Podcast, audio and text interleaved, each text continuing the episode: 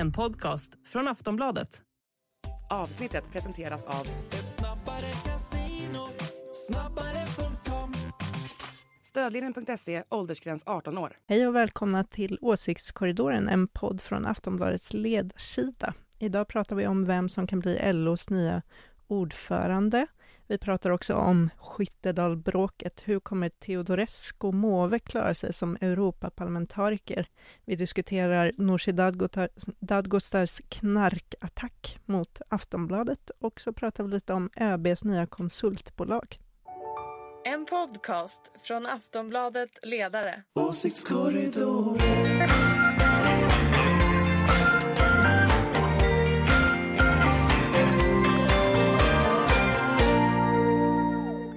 Hej och välkomna till Åsiktskorridoren, Aftonbladet Ledares podd om politik och dina vandringskängor i den politiska vildmarken.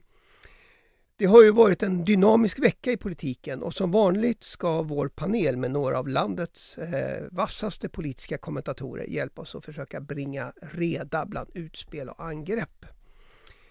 Från den gröna och liberala tankesmedjan Fores, Ulrika Schenström, oberoende moderat, precis som förra veckan.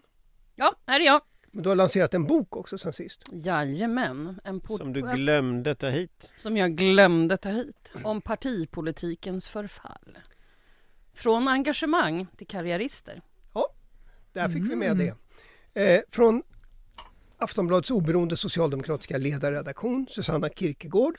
Det är jag. Inga böcker sen sist. Där ser man. Eh, och från samma oberoende socialdemokratiska ledarredaktion, Aftonbladets politiska chefredaktör Anders Lindberg. Hej hej. Hej hej! Du har heller inte lanserat någon bok sedan förra veckan. Nej, jag har läst lite böcker. Har gjort. Själv heter jag ju Ingvar Persson och skriver till vardags ledare i Aftonbladet. Eh, Men i den här podden är det min uppgift att försöka ställa frågorna och i alla fall försöka hålla en liten smula ordning i lokalen. Eh, Jag tänkte vi får börja allra först med nyheten som kom för bara någon timme sedan. Eh, LOs ordförande Susanna Gideonsson som har eh, suttit i fyra år nu har bestämt sig för att avgå i kong- eh, vid kongressen i maj. Och jag tänkte höra, har det någon betydelse vem som är ordförande i LO? Om vi börjar med Anders. Ja, det har ganska stor betydelse. Eh, sen är ju LO inte på det sätt som LO en gång historiskt var. Att det är liksom en part som aktivt går in och förhandlar och är liksom en del av alla kollektivavtal och liksom den politiska debatten på det sättet som LO kanske kanske en gång var i Socialdemokraterna. Att det är en annan roll. Förbunden är starkare idag. Metall, Kommunal och de andra förbunden är starkare. Samtidigt det spelar roll därför att den personen som är ordförande i LO sätter ju dagordningen för, för ja, nästan två miljoner eh, medlemmar i LO-förbunden. Eh, men också för liksom påverkan på politiken. Eh, Och just som läget är nu med en, en regering som är liksom aktivt arbetarfientlig så är det klart att då spelar ju LO en jättestor roll. Och vilken strategi man väljer liksom från LOs sida, hur man, hur man pratar om politik och så. Det spelar jätteroll. Ulrika. Ja, men det, det spelar väl alltid roll vem som leder en organisation. Eh, och det är väl jätteviktigt att det... Och, och det är väl, jag är ju mycket sämre på, på LO än vad ni är. Men, men det är klart att det spelar stor roll och det spelar väl också stor roll vem det är som blir nästa ordförande med tanke på inriktning. Man har ju en hel del problem i Sverige med, med Sverigedemokraterna eh, och många medlemmar är ju Sverigedem- röstar ju på Sverigedemokraterna. Susanna. Ja, jag vet inte. Jag är liksom, eh, tycker att jag vet inte om det, det är klart att det spelar roll vem som är ordförande, men som i de flesta andra organisationer så är väl det som är under ordföranden nästan mer viktigt. Alltså en bra ordförande eh, kan inte göra så mycket ifall själva organisationen går dåligt eller fungerar dåligt. Men å andra sidan, en dålig ordförande kan ju förstöra en bra organisation. Så att det blir spännande att se vem det blir. Men jag, jag, tror, jag tror det skiljer sig också olika organisationer för jag tror att LO har ju haft en roll i svensk politik som kanske ingen annan organisation nästan har haft. Alltså i uppbygget av välfärdsstaten, i utvecklingen av de institutioner som, som finns.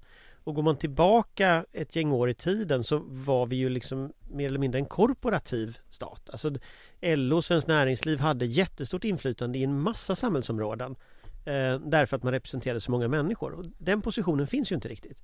Men däremot så är det ju fortfarande som LO representerar väl ungefär en femtedel ändå av, av, av befolkningen och det är så här, jämfört med alla andra, det är en enorm eh, position. Och jag tänker att statsvetare de underskattar ju ofta personer. De förklarar liksom att partiledare är inte viktiga och liksom sådär. Jag tror tvärtom, att vad jag har sett så personer är det som driver politik. Och det gör att en, en, en, en, en vänsterradikal LO-ordförande till exempel skulle förändra det politiska landskapet fullständigt. En, en ordförande som tog strid mot Sverigedemokraterna eh, kanske på något sätt som inte man har tänkt på hittills skulle kunna förändra samhället fullständigt. Så, att, så att det där kan spela väldigt stor roll. Sen har jag faktiskt ärligt talat ingen aning om vem det blir. Ehm, och, och, det är väl också så, LO-kongressen är ju i maj. Så det är inte säkert att vi vet heller på ett tag. Det finns inget namn ni har att spekulera kring? Nej, inte riktigt. Alltså, jag tycker man ska titta i två kretsar. Man ska titta på förbundsordförandena som sitter nu och man ska titta i så här, personer som är tunga på olika sätt i LOs organisation. Eh, men, men att från det gå liksom att peka ut namn, det, det är för tidigt. Alltså vi fick det här beskedet för någon timma sedan. Så, så att än så länge så finns det nog inte så mycket snack att relatera till eh, så. Skulle jag säga. Ingvar är väl kanske mer, mer, mer kunnig om detta. Men, men jag har liksom inte hört någon, någon som säger något säkert liksom, åt något håll. Vill jag få återkomma till ämnet. Det kommer att finnas tillfälle. Jag duckar. Han duckar Eh, ordentligt faktiskt. Ja, han duckade riktigt ordentligt. Snyggt. Vid något annat tillfälle ska vi också fråga ut Ulrika om eh, eh, för det var väl en av delarna i Nya Moderaterna att man just eh, slu, liksom la ner vapnen mot, mot LO. Varför skulle inte alla ha rätt att vara med i ett fackförbund? Eh, hörrni, vi, har, vi har ju mycket mer att prata om och nu tänkte jag vi skulle ta veckans eh, stora politiska bomb. Kristdemokraterna sparkar eh, Sara Skyttedal igen. Istället lanserar partiet den helt nya medlemmen Alice Teodorescu Måwe. Eh, och det slutgiltiga beslutet tas utav partistämman i februari. Och tydligen var det Jimmy Åkesson som skvallrade för Ebba Busch om Skyttedals, att Skyttedal hade tagit kontakt när hon såg ut att bli petad förra gången. Golare har inga polare. Hur är det? Kommer Ebba Busch att bli av med Skyttedal den här gången, Susanna? Ja, kanske det. Men jag vet inte om det blir så mycket bättre av det. Eh, alltså, jag har en... Alltså Sara Skyttedal är ju eh, hemsk rent politiskt, men hon är ju en duktig politiker. Hon livar ju upp eh, e EU-debatten, vilket behövs, särskilt i EU-politik. Liksom. Men det kan säkert Teodorescu också göra i och för sig, men jag undrar om inte hon har tagit sig lite vatten över huvudet. Jag vet inte om hon riktigt är förberedd på hur eh, dels hur märklig en valrörelse kan vara som politiker, men också hur eh, ensam man är som Europaparlamentariker. Hon, man har ju märkt bara nu första dagarna så har hon ju gjort extremt många intervjuer, eh, vilket ju är väldigt bra. Alltså i jämförelse med andra politiker så duckar hon ju verkligen inte media. Men om man säger sen efter valet så kommer ingen vilja intervjua Alice Teodorescu. Jag vet inte om hon liksom, är beredd på det. I Bryssel kan ingen höra dig skrika. Eh, Ulrika, vad tror du? Det känns liksom som det är någon slags bråk mellan alla de här tre. Det verkar vara sådär, du vet som när man var liten, det var tre tjejer som lekte så det blev svårt. Ja, Ja, det det- känns lite som catfights. så Men det är väl inte bråk sätt. mellan alla tre, eller? Ebba Busch och Teodorescu. Det känns som det är något bråk här. Det är bråkig Bak- stämning även där. Ja, bråk i bakgrunden här. Ja. För var, och, och så det här att Jimmy Åkesson ska ha informerat Ebba Busch om att Skyttedal Alltså det, det är så konstigt alltihopa. Och, och vore jag Jimmy Åkesson då skulle jag ju sätta Sara Skyttedal som etta på listan. Ja, eller hur? Då skulle hon ju sno alla Ja. höger, unga högertjejer som vill ha någon lite mer hård för Ja. än Alice Teodorescu. Ja, precis. Nej, Jag skulle ja. ju ta henne, för jag tror även att Sara Skyttedal drar liksom grabbar. Ja, till skillnad från Charlie Weimers är ju hur tråkig som helst. Ja. Alltså han är ju tjänsteman. Och dessutom också från KD, så de har inte haft några problem med det att ska bli sno spännande deras... att se liksom vem de sätter som ett, för de har inte levererat sin lista än. Mm. Så är det här liksom någon... För jag tror ju att Sahara vill till Bryssel med tanke på att hennes man jobbat på NATO. Ja, ja, och hon är ju duktig på det där. Hon kan göra det där. Du, du, tänker, du tänker att Jimmy Åkesson kanske eh, tjallade för att han faktiskt vill få över Det här är ju väldigt Skyttedal. avancerad spekulation nu. Men, Komplicerad teori. men eh, jag har en liten känsla av att alltså, skulle jag sätta mig in och vara Jimmy Åkesson eh, så skulle jag sätta Sara Skyttedal som etta på min lista. Men det är om jag vore Jimmy Jag Åkesson. hoppas Jimmy Åkesson lyssnar noga. Ja. Och nu har vi fått höra vad Ulrika skulle göra om hon var Jimmy Åkesson. Anders, om du vore Ebba Busch då, skulle du sätta eh, Alice Teodorescu Måwe som etta på din lista? Jag, jag tror inte att det är en dålig idé att sätta henne där men, men jag tror precis som Susanna sa att alltså, Sara Skyttedal är en av Kristdemokraternas skickligaste politiker. Hon är lite av en enmansorkester i all politik. Eh, Att slarva bort henne därför att jag antar att Ebba Busch är rädd för att hon ska bli partiordförande istället för Ebba Busch. Jag antar att det, Precis, det är det, något som är bråket. egentligen här. Eh, Hon har ju försökt manövrera ut henne ganska länge. Eh, Hon är fortfarande en av, av Kristdemokraternas skickligaste politiker. Och nu, nu har liksom Ebba Busch äntligen hittat någonting att nita dit henne på liksom här. Jag är inte säker på att det är så man ska leda partier.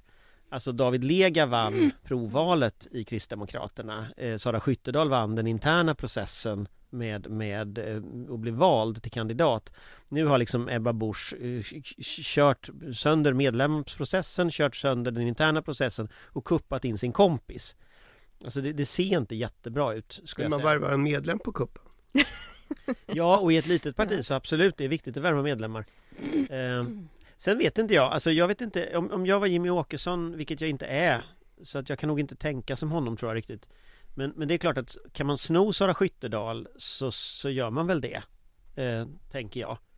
Eh, sen är hon ju lite bråkig, så att de kanske inte vill ha fler bråkiga personer i SD, jag vet inte. Men, men, men kan de sno henne så skulle jag nog gjort det. Och det, det är också en annan sån där grej som jag tycker är är spännande om man tittar på kartan som helhet. Och det är att Alice Teodorescu Måwe är ju en skicklig debattör. Men hon har så vitt jag känner till aldrig hållit på med sakpolitik. Riktig sakpolitik. Eller politiska spel, alltså den typen av riktig, alltså varken i riksdagen eller i någon kommunal nämnd eller någonting. Det är rätt tufft att gå från noll till Europaparlamentet. Ehm, för, för det är ju andra perioden du börjar få inflytande. Eller tredje perioden eller fjärde perioden. Ehm, Så de slarvar ju också bort alla de kontakter Sara Skyttedal har. Ja, och särskilt när David Lega också hoppade av. Alltså det är ju skitsvårt att komma som helt ensam och ny in till Europaparlamentet. Hon kommer ju inte få några viktiga eller tunga positioner alls. Nej, hon lär ju nog bli bortspelad Hon så, ju- men, men det blir ja. det ju alltid i början. Men vad jag tänker är en annan sak också, det är att jag tror att de här tradition, alltså det finns ju underströmmar i Europaparlamentet som är, och just nu så är ju en sån underström som är viktig, det är ju liksom vad, vad är det för majoritet som finns bakom Ursula von der Leyen när hon blir omvald till EU-kommissionens ordförande? Och vad är det för majoriteter i Europaparlamentet som gör att du sen får igenom politiken?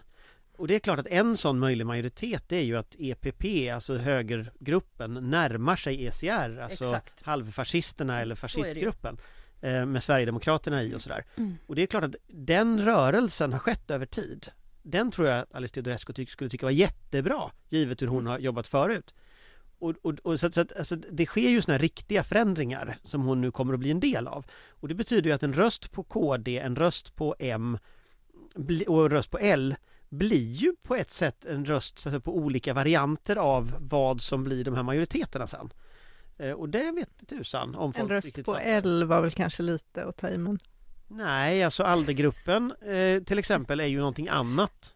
Alltså en röst på L, i det här konkreta fallet då, en röst på, på om, om, jag, om du är moderat, bara för att ta typexemplet, och så tycker du att SD suger, då kan du rösta på, på Anna Maria Corazza Bildt som står på Ls lista, som du röstar på en partivän de facto. Tycker du L, SD suger så kan du rösta på henne och fortfarande rösta på en moderat.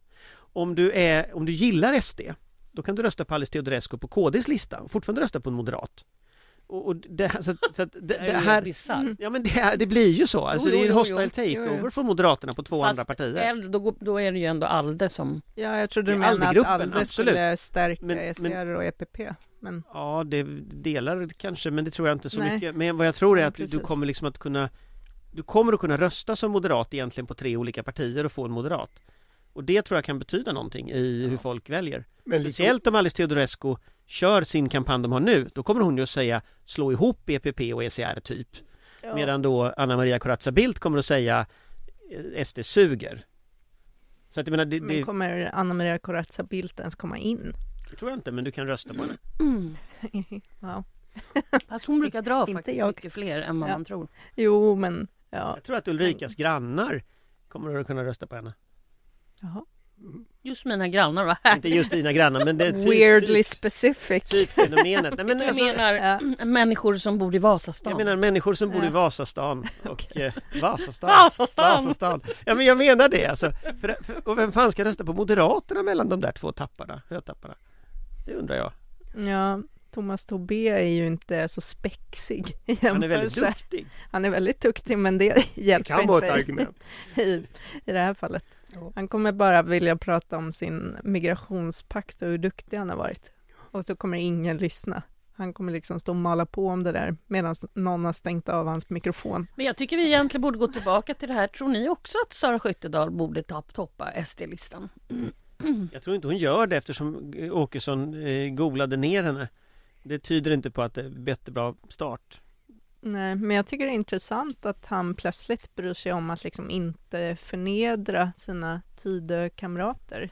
Det har inte bekymrat honom innan. Alltså han har ju bara kört på, alltså struntat helt i om man liksom förstör för dem eller förnedrar dem eller vad som helst. Men nu plötsligt, nu är det liksom stor kamratskap och eh, man ska absolut inte hugga varandra i ryggen och ta varandras kandidater. Jag begriper inte riktigt var den eh, svängningen kommer ifrån. Det enda, det enda liksom som jag kan tolka det som är att han förlorar absolut ingenting på det och därför kan, men då, ja, jag vet inte riktigt.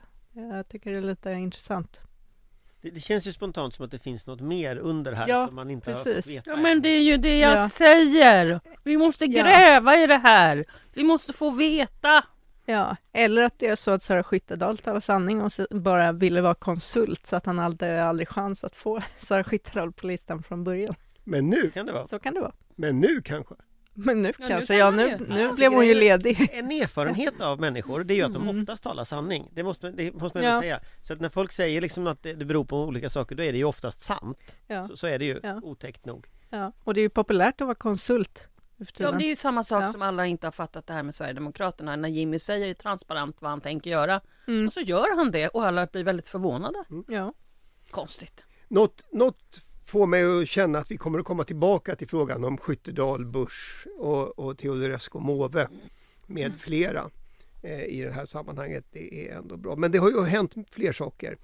Eh, I veckan som gick så avslöjade ju också Aftonbladet att det används kokain på toaletterna på riksdagen. Eh, och jag tänker inte fråga så mycket om vad ni tycker om just det. Eh, för då blir ni väl tvungna att svara att det är olagligt som flera partiledare påpekade. Eh, men däremot tänkte jag skulle höra om, om en av reaktionerna som svarade lite annorlunda var ju Vänsterpartiets ledare Nooshi Dadgostar när hon fick frågan av Aftonbladets reporter. Då gick hon till angrepp och tyckte att man borde undersöka toaletterna på Aftonbladet istället.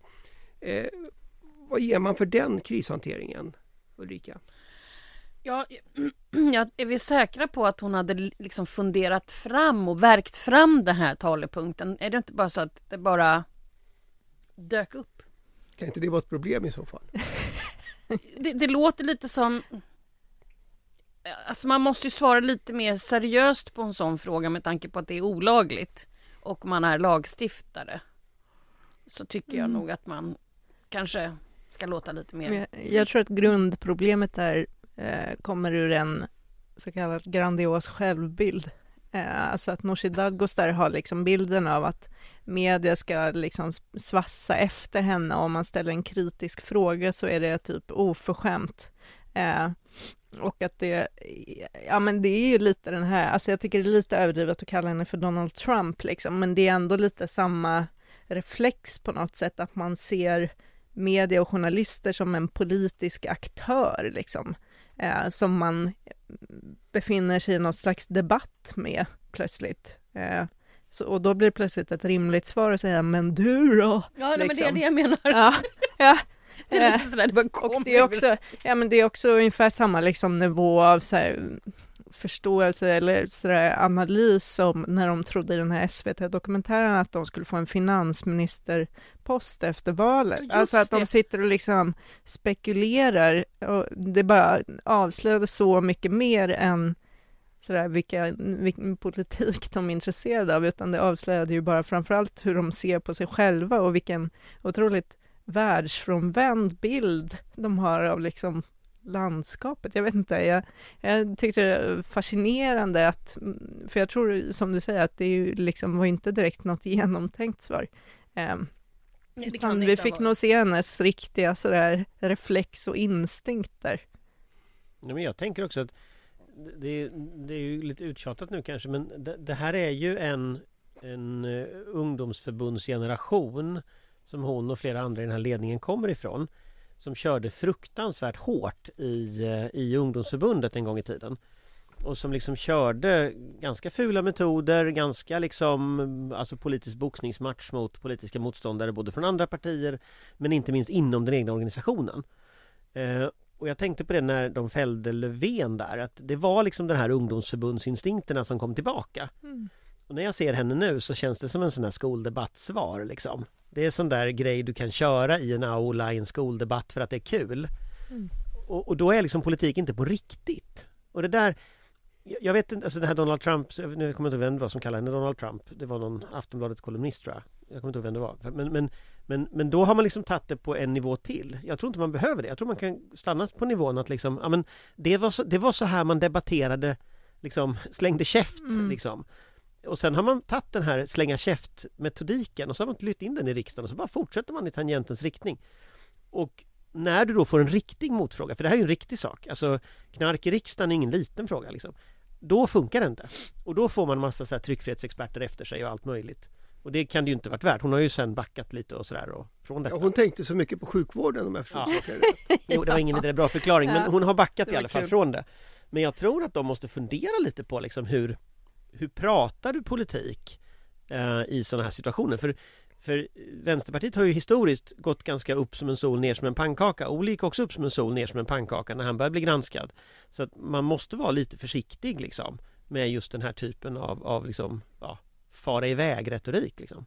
Det är ändå nästan inspirerande det här med ursäkten att jag tänkte så mycket på sjukvården. Ska jag också börja använda, varför är du sen till jobbet? Jag satt och tänkte på sjukvården Det var inte ett helt ologiskt svar. Hon skulle in och debattera sjukvård och var ju förbannad på att det här kom ju liksom i vägen för hennes debatt. Så det var inte fullständigt ologiskt att hon var Okej. sur på det. Jag, Du, du backar Nooshi jag, alltså. jag, jag, tycker, jag får backa Nooshi där, för jag tycker inte, det var inte en helt obegriplig förklaring. Liksom. Men det var en väldigt rolig förklaring. Det var en väldigt rolig förklaring. Men jag tror själva sakfrågan är att de måste nog fundera lite på det där. För att du har inte så många chanser att göra den där typen av grejer innan du får liksom hela media mot dig. Eh, faktiskt. Någon kan du göra men inte Fast så hela många. media är emot dig, då pratar du nästan också som att media är liksom en... Jag tror tyvärr att media har en förmåga att tänka en tanke åt gången eh, när det gäller partiledare. Att vissa är på uppgång, andra på nedgång. Om, ta ett exempel, Lars Ohly till exempel. Efter Uppdrag granskning var det väl genomgången av hans kommunistförflutna. Han återhämtade sig ju aldrig efter det. Till exempel, för att ta Vänsterpartiet. Gudrun Schyman samma sak. Hon fick ett antal sådana här händelser som hände. Hon återhämtade sig inte. Just nu är det Ebba Busch som är liksom stadig nedgång i opinionen. Så att jag menar, det, det spelar roll. Man, man har liksom, jag ska säga att man har några, man kan liksom klanta sig några gånger. Men man kan inte klanta sig hur många gånger som helst liksom. Innan det ser ut som att man är liksom på väg neråt. Det är som i livet i allmänhet på det viset. Fast lite elakare eftersom det är riksdagen. Hörrni, eh, partiledardebatten för en vecka sedan snart eh, överskuggas ju till stor del av misstroendeomröstningen mot eh, Rodmina Pourmokhtari. Eh, och där hade ju, det har vi ju redan pratat om och panelen hade rätt i alla avseenden. Det, det blev ju Både pinsamt. och, och så. Eh, men det blev ju lite bråk i själva debatten också. Jag tänkte vi skulle prata om det. Ebba Busch menar ju att hon har förhandlat med Socialdemokraterna om energipolitiken. Eh, Magdalena Andersson säger att, hon aldrig, att det aldrig har varit några förhandlingar och i alla fall inga hon känner till. Eh, möjligen har Socialdemokraterna fått information om vad regeringen tänker göra. Eh, och sen blev det då hårda ord efter det där. Är det här faktiskt en, bara en fråga om vad man lägger, vad man, hur man liksom tolkar ordet förhandling? Eller är det någon som inte talar sanning, Susanna? Jag vet inte, men det är väl i och för sig ungefär samma syn på förhandling som Viktor Orban har nu när han bjuder dit Ulf Kristersson för att förhandla om NATO-medlemskapet. Det är som ett litet informationsmöte, kanske. Ja, herregud. Enda liknelsen mellan Ebba Busch och Viktor Orban. Fast jag Mm. tror, jag tror, jag har en annan teori om det där och jag tror inte bara det handlar om att man lägger i förhandlingar utan jag tror det också handlar om vem som är Socialdemokraterna. Alltså det är möjligt att Ebba Busch har fikat med Vidar Andersson och diskuterat det här eller att hon har eh, fikat med någon liksom i riksdagen eh, som med i Socialdemokraterna. Att, att, att det är på något sätt hennes uppfattning om att ha kontakt med oppositionen medan Socialdemokraterna vill att man har ett stormöte där man informerar och diskuterar och sitter på var sida om ett bord liksom. Så det är nog inte bara syn på förhandlingar, det är liksom Det är nog ett större problem här det är lite Fast du låtsaskompis beskrev du väl två syner på förhandlingar? Ja, fast jag tror också, vem är Socialdemokraterna? Jag tror att Mm. de tror att vem som helst de pratar med i riksdagen är Socialdemokraterna, eller utanför riksdagen också för den delen. När man hör, hon pratade någon, hon kände massa socialdemokrater som var antisemiter i något tal nyligen. Eh, pratade om. Eh, och det är också en sån här sak, vem då? Alltså det, det är liksom Jag tror att det är liksom Det, det är inte nödvändigtvis fria fantasier Jag tror det är en flexibilitet Jag säger så. En En flexibilitet. flexibilitet. Mm. Vad säger du Ulrika? Nej men jag tror inte att det är aktuellt att de ska ha någon uppgörelse överhuvudtaget. Jag tror inte det. Eftersom Ja, Moderaterna hoppade ju av en gång i tiden, eh, energiförhandlingarna, så jag är inte så säker på att de... de hoppade väl av en uppgörelse de redan hade var med på. Ja, precis. Eh, Så gick det väl till. Ja. Men, men skulle det vara bra för Sverige med en bred ener- eh, energiöverenskommelse? Ja, det är väl jättebra. Beror på vad de kommer fram till. Jo, jo, men, Mm. men man måste ju ha långsiktiga spelregler. Ja, men det hjälper inte om man har långsiktiga idéer om det inte funkar i praktiken. Typ om de kommer att göra Nej, överens men det kommer ändå vara långsiktigt svårt för dem att komma överens. om att bygga massa kärnkraftverk med ryskt uran i. Då spelar det ingen roll hur överens de är i riksdagen, för det kommer inte gå. Men sen är ju frågan också det här med Sant. mängden tid som det här tar. Alltså det kommer ju att ta otroligt lång tid. Du måste ju ha flera olika möjliga regeringsbildare. Och där har ju Miljöpartiet sagt att det är veto mot detta. Och det är klart att det kanske är den enda åsikt jag litar på att Miljöpartiet faktiskt har. Eh, Så är det nog att det där vetot finns. Mm. Så att jag vet inte heller vad Socialdemokraterna kan göra upp med utan att riskera ett regeringsunderlag. Alltså Å andra sidan har vi ju sett frågor där det har funnits överenskommelser, till exempel reduktionsplikten, eh, som ju då plötsligt inte gällde längre när det handlar om att säkra ett regeringsunderlag. Ja, Fast jag tänker att Socialdemokraterna kan inte jobba så. Jag tänker att Moderaterna, de litar jag inte på ändå. Men Socialdemokraterna måste nog hålla ord. Tror jag. Både i sin interna partistruktur och liksom för att bygga ett regeringsalternativ på sin kant. Eh, Jag tror inte de kan göra som Moderaterna gjorde faktiskt. Jag tror inte det går. Så det betyder att det blir ingen långsiktig energipolitik. Jag tror inte det. Men sen kan man ju tänka så här också. Världen kanske passerar förbi detta. Genom att det byggs ut andra energikällor. Eh, så då kanske världen har passerat förbi punkten där det Där liksom den här frågan är så stor. Jag skulle inte förvåna mig jättemycket om EU-valet är den sista val där kärnkraften spelar den här rollen som den har gjort historiskt. Jag skulle inte förvåna mig. Det kommer vara svårt i nästa val att skaka liv i den igen. Du kan sparka på en, liksom en död åsna några gånger men det är svårt att få den att springa iväg. Liksom. Du, du tänker att det här är liksom sista, sista rycket för politiker som var skolpolitiker när Ja, Jag tänker, att, jag, jag tänker att populism, det kommer finnas en, en bristande efterfrågan på populism tror jag, energifrågan. Alltså det, det, det har ju funnits en efterfrågan på populism ett tag. Men jag undrar om det verkligen finns det längre liksom. De här enorma räkningarna som har varit, andra energikällor byggs ut, industrin efterfrågar liksom fungerande system. Men jag vet inte fan om du kan tuta på riktigt så. Jag vet inte om det går. det, det blir ytterligare ett ämne att komma tillbaka till. Men som sagt, det verkar som panelen ändå är överens om att det skulle egentligen behövas en överenskommelse men det, blir, men det blir ingen. Nej, jag skulle nog tro att vi landar där. Jag har ett ämne till eh, faktiskt som vi måste försöka få in i den här åsiktskorridoren. Eh, Expressen kunde ju i veckan berätta att ÖB Mikael Bydén har startat firma Bydén Ops. Eh, efter karriären i staten har han tänkt sig en framtid som konsult i strategisk omvärldsanalys. Eh, och för det här har han ju fått en hel del kritik. Eh, är det bra att landets högsta militär blir konsult, Anders? In, inte om han är det medan han är eh, militär men efteråt så eh, är det nog ganska vanligt skulle jag säga att höga militärer, höga säkerhetspolitiska experter går till antingen egna bolag som, som det här väl handlar om eller till ja, olika koncerner eller annat. Saab till exempel har ju rekryterat eh, halva den socialdemokratiska liksom, eh, intelligensen när det gäller säkerhetspolitik genom åren. Eh, och sådär. Så det, det, det, tillhör ju liksom det vanliga på något sätt att, att de här personerna eh, går vidare. Så jag är inte särskilt förvånad över det hela och det är liksom Det är inte särskilt ovanligt. Men det var lite snabbt att sätta igång firman. Det är ju onödigt att göra det innan man slutar. Men, men samtidigt så tror jag att, att det är liksom inget som förvånar att det, skulle, att det skulle vara så. Och tittar man på andra befattningshavare på den nivån, inte nödvändigtvis överbefälhavare, men liksom andra eh, högt uppsatta personer så, så i regel så går de till olika former av sådana här konsultbolag eller eh, försvarsindustrin eller säkerhetspolitiska tankesmedjor eller vad det nu kan vara för någonting. Eh, och det har ju säkert att göra med att du, du pensionerar dig innan du har lust att sluta jobba. Eh, och då fortsätter de. De pensionerar sig ju relativt tidigt också så att, så att liksom nej, Jag är inte särskilt förvånad faktiskt av det. Ulrika? Nej, jag är inte förvånad så men, men eh, han behövde ju inte ha startat bolaget redan nu. Det kunde han väl ha gjort lite senare för att han måste ju ha räknat ut att det skulle bli media.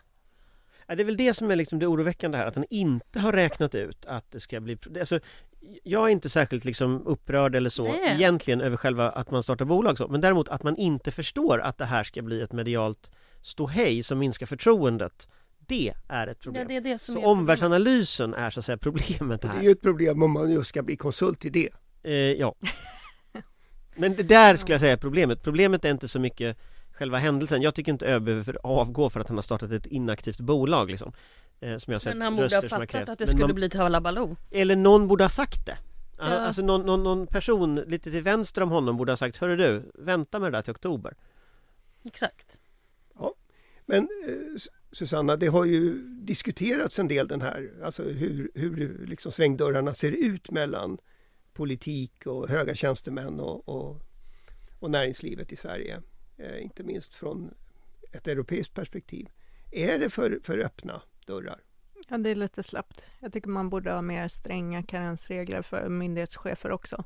Sen vet jag inte om det har med just det här att göra, men det, ja, jag är som de andra sa mest förvånad över att ingen i hans närhet satte stopp för det där. Det känns som så onödigt och drar ju liksom, alltså det är ju optimalt dålig timing också. Nu när alla är helt uppskrämda av eh, krigsdiskussionen. krigsdiskussionen eh, så behöver man ju verkligen känna alltså tillit till ja, honom och ministrarna mm. och det de säger. Det är, men det var väl tur att alla hann köpa sina krislådor innan det här kom fram. Jo men sen tänker jag väl också det här med att att du har, om, om man kollar över tid, liksom lite, lite så bredare perspektiv Alltså många länder har ju väldigt tydliga regler. Du kanske väntar ett år innan du får starta en egen verksamhet eller innan du får gå någon annanstans. Många företag är inskrivna i sina kontrakt att du får inte gå in liksom i en konkurrerande verksamhet på väldigt lång tid och så vidare. Det är liksom tillhör det normala. Så att här ligger ju staten långt, långt efter eh, vad som är någon slags rimlig princip. Och jag skulle ju kunna tänka mig att det kanske är ett års karenstid eller två års karenstid som vi pratar om. Så det är liksom rejäla tider här för att du inte ska kunna mm. använda saker du vet i ditt förra jobb i ditt nya jobb. Eh, för politikerna, för de högsta politikerna så finns det ju sådana här regler nu. Och de kanske man ska utvidga till att gälla liksom alla generaldirektörer motsvarande eller alltså höga chefer, höga domar och så vidare. Ja, och höga politiska tjänstemän. Det finns ju ja, statssekreterare finns ja. ju men jag tänker Ja men andra en... också. Ja, ja, det skulle man kunna göra. Det finns ju faktiskt en uh, utredning som föreslår precis det. Uh, nu som ligger på, på regeringens bord. Uh, men och den, alltså de reglerna som gäller statsråd det är väl bara Det är väl bara Karl Petter Thorwaldsson som har lyckats trassla till sig det där. Han gick ju tillbaka till sitt gamla jobb hos SSAB eh, lite för tidigt och fick eh, smiss på fingrarna och två veckors arbetsförbud på kuppen. Eh, men Mm. eh, Nej men alltså det borde ju vara sådana regler och det borde ju finnas någon statlig nämnd som avgör det lämpliga. Och de lämpliga hade ju då sagt till ÖB vänta två år. Alltså det, det hade ju varit vad de hade sagt. Men det finns ju inga sådana system i Sverige. Utan vi har den här naiva liksom godtrogenheten så. Sen, sen tycker jag då, ska jag säga då, när det gäller liksom försvars och säkerhetspolitik just nu. Just nu så tror jag att det här kommer bara att bli värre, säkerhetsläget. Vi kommer att se liksom allt mer problem i liksom utrikes säkerhetspolitiken, även om vi får gå med i NATO snart och sådär. Och det gör liksom att det är ett område som är extra känsligt för förtroende just. Att du har liksom bara förtroendet när du ska tala med människor och det där måste man ta med. Liksom så. Eh, Och det gäller ÖB men det gäller också alla andra myndigheter inom eh, försvars och säkerhet. Alltså MSB och, och Myndigheten för psykologiskt försvar och liksom länsstyrelser och så vidare. Att, alltså, tänk Folkhälsomyndigheten minus Folkhälsomyndighetens förtroende i pandemin. Det hade inte varit kul. Liksom så. så att man behöver det där. Man behöver verkligen ta in det när man tänker. så Tänker jag. Det är en slutsats jag drar liksom av det. En skarp uppmaning, starta inga bolag i vart fall inte medan ni fortfarande Nej, men tänk igenom vad som är förtroendeskadligt. Därför att i en kris då är förtroendet liksom det du har. Mm. Så, hade Anders Tegnell suttit i ett läge där han inte hade haft förtroende i pandemin då hade hela Sverige hamnat i skiten. Liksom. Mm. Så att det är ingen liten grej. Hörrni, det där är allt vi hinner med den här veckan. Eh, nästa vecka är vi tillbaka med en ny palett av frågor. Det vill ni inte missa. För mig återstår nu bara att tacka alla som har varit med. Tack så mycket Ulrika. Tack, tack. Tack Susanna. Tack. Och tack Anders. Tackar, tackar. Och ett stort tack förstås till dig som lyssnar. Det är ju för dig vi gör podden. Hej då! Hej, hej! En podcast från Aftonbladet Ledare.